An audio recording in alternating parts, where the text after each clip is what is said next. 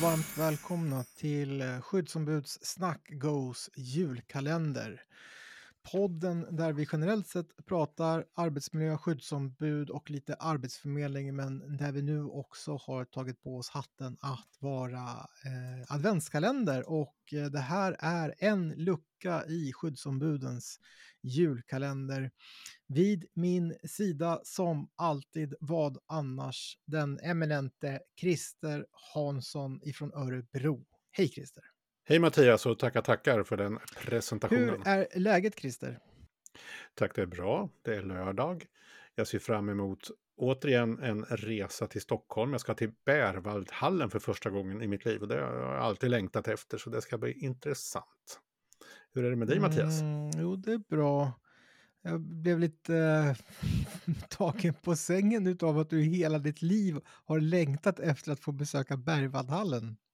Men det är så här, den känns som en klassiker på något sätt. Man ska närma sig med vördnad och respekt. Ja, ja kanske det.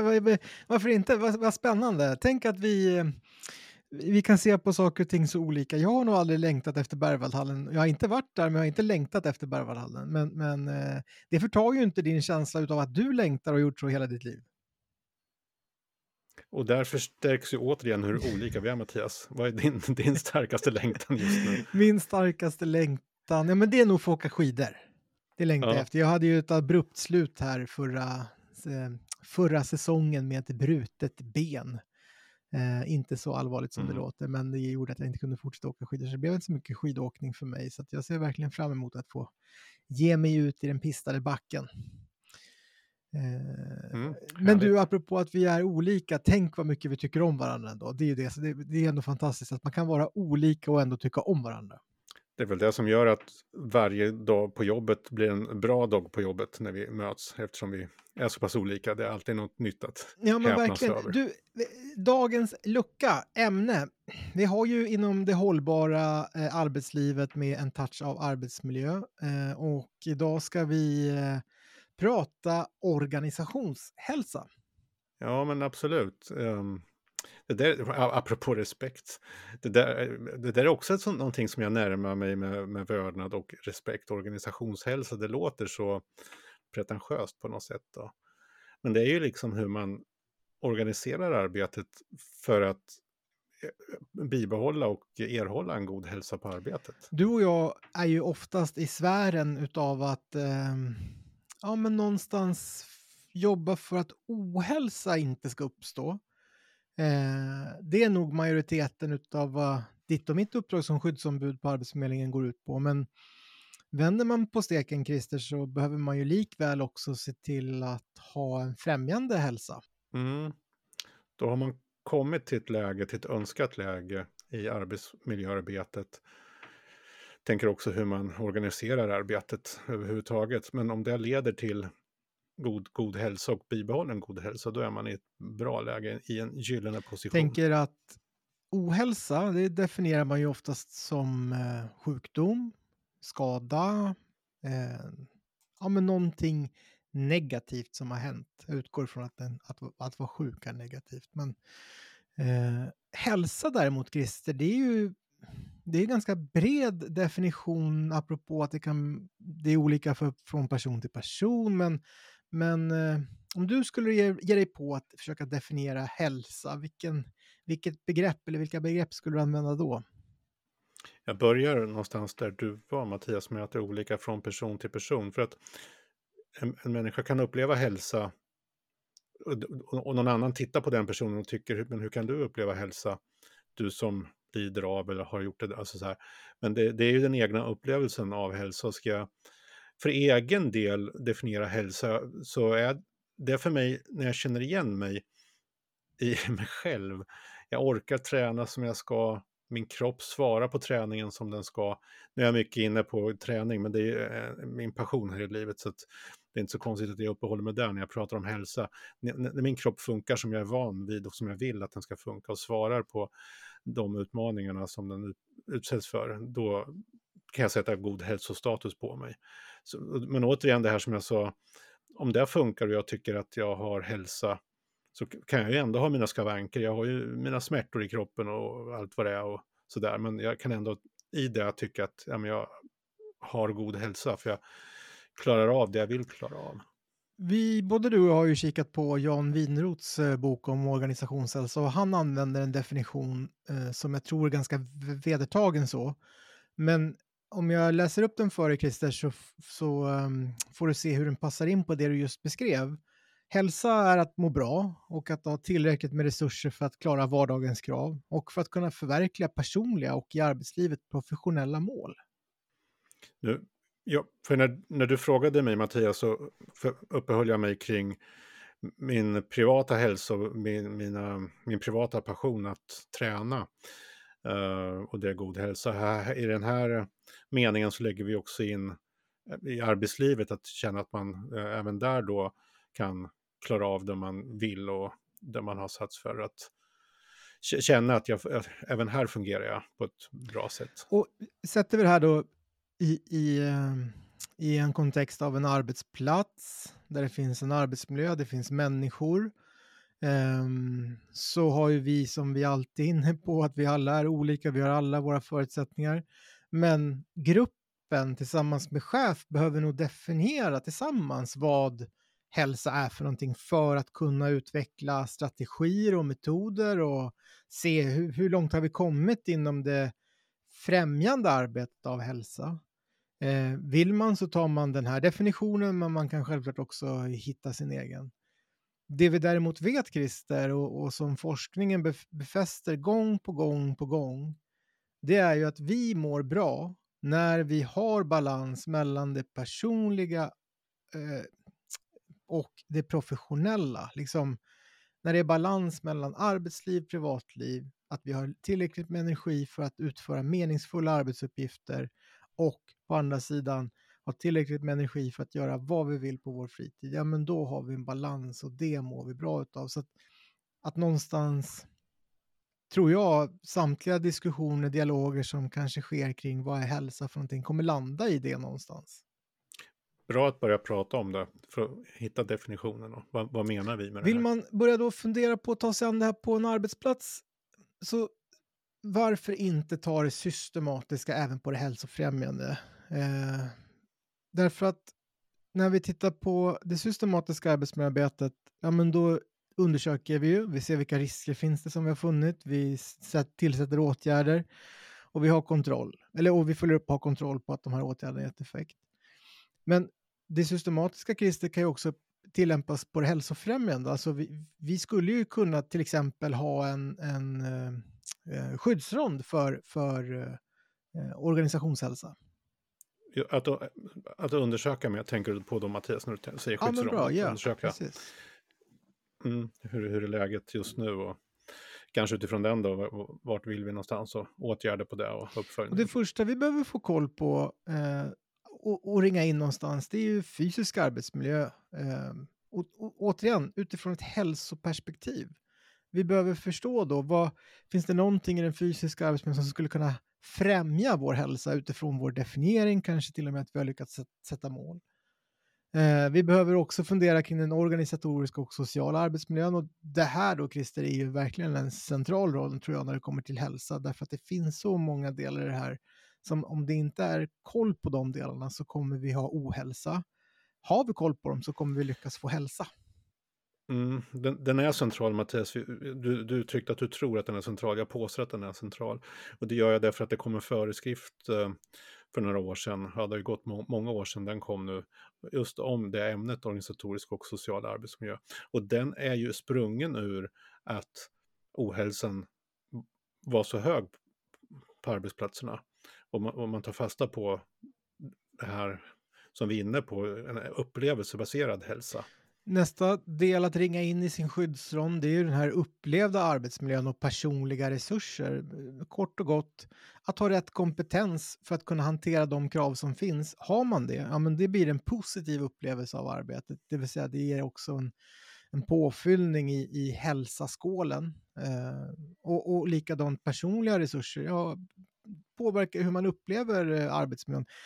Och, och det här är ju någonting du och jag liksom verkligen gentemot arbetsgivaren, medarbetare, andra skyddsombud konstant tar upp och lyfter att arbetsmiljö är i mångt och mycket en upplevelse av någonting. det kan ju också bygga på vilka värderingar jag har om saker och ting och vilka förväntningar jag har. Allting skapar en upplevelse. Eh, näst ut på tur eh, när man funderar på skyddsfront för att eh, fånga och definiera sin organisationshälsa, det är ju den digitala arbetsmiljön. Och digitalisering av arbetsmiljön har ju en stor inverkan på arbetsförhållanden och arbetsmiljö. Administrativa system, förändrade arbetssätt, användning av teknik, etisk stress, bland annat Christer. Om jag ska utveckla det med etisk stress, det är liksom om jag inte kan utföra mina arbetsuppgifter, hur drabbar det någon annan? Och just det här om tekniken inte funkar, jag kan inte utföra mina arbetsuppgifter, jag vet att det kommer drabba någon annan, någon annan, en tredje part. Då, då, då uppstår en stress i det här, hur ska jag lösa det här för att inte det ska drabba någon som inte alls är orsak till att jag inte kan jobba just nu när datorn står still. Sist ut, eh, men inte minst, eh, och kanske den, eh, om, om OSAN har en central roll, så i påfyllnadsskålen så kommer arbetsglädje ha en väldigt stor påverkan. Arbetsglädje är den här liksom positiva, upplyftande känslan som eh, människor upplever när de trivs med sitt arbete. Och den innebär ju någonstans att man känner sig engagerad, motiverad och nöjd med det man gör på jobbet. Och ska vi titta lite närmare då, Christer, på arbetsglädje, eh, så, så behöver man kanske liksom förstå vad är det? Det är ju inte bara att det skrattas på jobbet. Det är inte bara arbetsglädje. Eh, eller att, som mm. jag sa, att jag tycker om dig som kollega trots att vi tycker olika. Det är ju inte heller arbetsglädje, utan arbetsglädje består av så många saker. Och när vi bryter ner det då, Christer, först ut engagemang. Det, det är en eh, ingrediens att jag känner mig engagerad i mitt arbete. Um, hur kan man se på det? Ja, men jag, jag, jag, jag, kan hålla fokus på det jag gör, jag är inspirerad i det jag gör. Jag känner, känner en passion för mina arbetsuppgifter eller det vi gör tillsammans på jobbet i teamet eller sektionen. Ehm, att det känns meningsfullt. Jag har meningsfulla arbetsuppgifter och jag kan bidra till, till uh, det stora målet, eller de målen som vi har på Arbetsförmedlingen. Sen kommer nästa del och det är lite grann det här som jag nämnde att det inte bara var, men trivsel och välmående. En, en viktig del av arbetsglädje är ju någonstans att faktiskt trivas på arbetsplatsen. Och det här innebär att man känner sig bekväm med arbetsmiljön, att man har goda relationer med kollegor och överordnade, alltså chefer. Och, och, som jag var inne på Christer, respekt för att du tycker på ett sätt, jag tycker på ett annat sätt, men vi kan ändå göra high fives och tycka att, att livet är roligt på jobbet liksom. Och, och det är också kopplat någonstans mm. till det fysiska och psykiska välmåendet på jobbet. Här skulle man ju kunna tänka sig, ja men du skulle ju kunna ha det tufft privat, men jobbet ger dig glädje. Mm. Så kan det vara, att där finner man glädje och kraft. Uppskattning och erkännande då, Christer? Det där är ett grundläggande behov hos oss människor. Jag tror de flesta av oss eh, mår bra av att få uppskattning och erkännande, en bekräftelse på att vi gör bra saker. Eh, och då blir det en del av arbetsglädje att vi får den här uppskattningen och bekräftelsen. Vi, ska få feedback, Eh, gärna positiv feedback, men den, den bygger ju då på att vi har lyckats med någonting. Annars får vi konstruktiv feedback, att vi har saker vi kan utvecklas i och det är också någon slags eh, bekräftelse. Men eh, att vi ändå är schyssta mot varandra och ger varandra uppskattning och erkännande för det vi gör på jobbet och klarar av. Utvecklingsmöjligheter, eh, nästa del av kakan. Ja, men, det, att kunna nå någonstans, att kunna känna så att man tar steg vidare, att man inte står fast, att man inte stagnerar. Eh, och framförallt kanske bara den här känslan av att det finns en möjlighet att växa och utvecklas. Eh, och arbetsglädje är ju oftast kopplat till möjligheten att förbättra sina kompetenser, lära sig nya saker, ta sig an nya utmaningar och nå liksom, återigen då, personliga professionella mål. Tar jag dig som exempel Christer, du strävar ju efter att slå ibland eller hålla samma tid på maraton. Ja, det är ju ditt personliga mål delvis då. Sen har du ju kanske andra djupare eh, syften och, och, mål i livet, men, men det kan vara en, en av dem. Men, men just det här att hela tiden kunna putsa, finslipa på det man gör. Och, och det här är också universellt för alla åldrar. Det är ju inte bara liksom upp till 40 som, som det här gäller. Det här är ju hela livet man, man ska känna den här delen. Eh, balans mellan fritid och arbete då, Christer, apropå att springa maraton och orka med ett arbete? när vi pratar om olika saker så landar vi oftast i den här balansen mellan arbete och fritid. Jag menar, vi har, vi har ju vår arbetstid, eh, typ åtta timmar per dag, som vi ska fylla med meningsfulla arbetsuppgifter, då, då vi ska känna den här arbetsglädjen. Sen, sen tar ju intresset och fokuset slut, hur roligt det än må vara på jobbet, och då går vi över till vår fritid. Och då tar vi oss an, i bästa fall, sånt vi har valt att göra, för vi trivs med att göra det. Sen finns det ju en vardag också att ta hand om. Men att det här har balans, att jag känner att när jag jobbar färdigt så, så har jag en rik fritid, eller jag har en fritid och jag kan hantera den.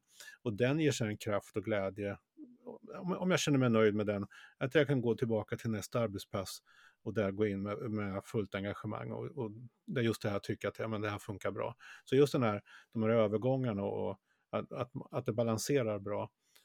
Det, det, andra skulle ju vara en obalans och det är inte så svårt att beskriva det. det är, jag jobbar väldigt mycket, jag jobbar för mycket.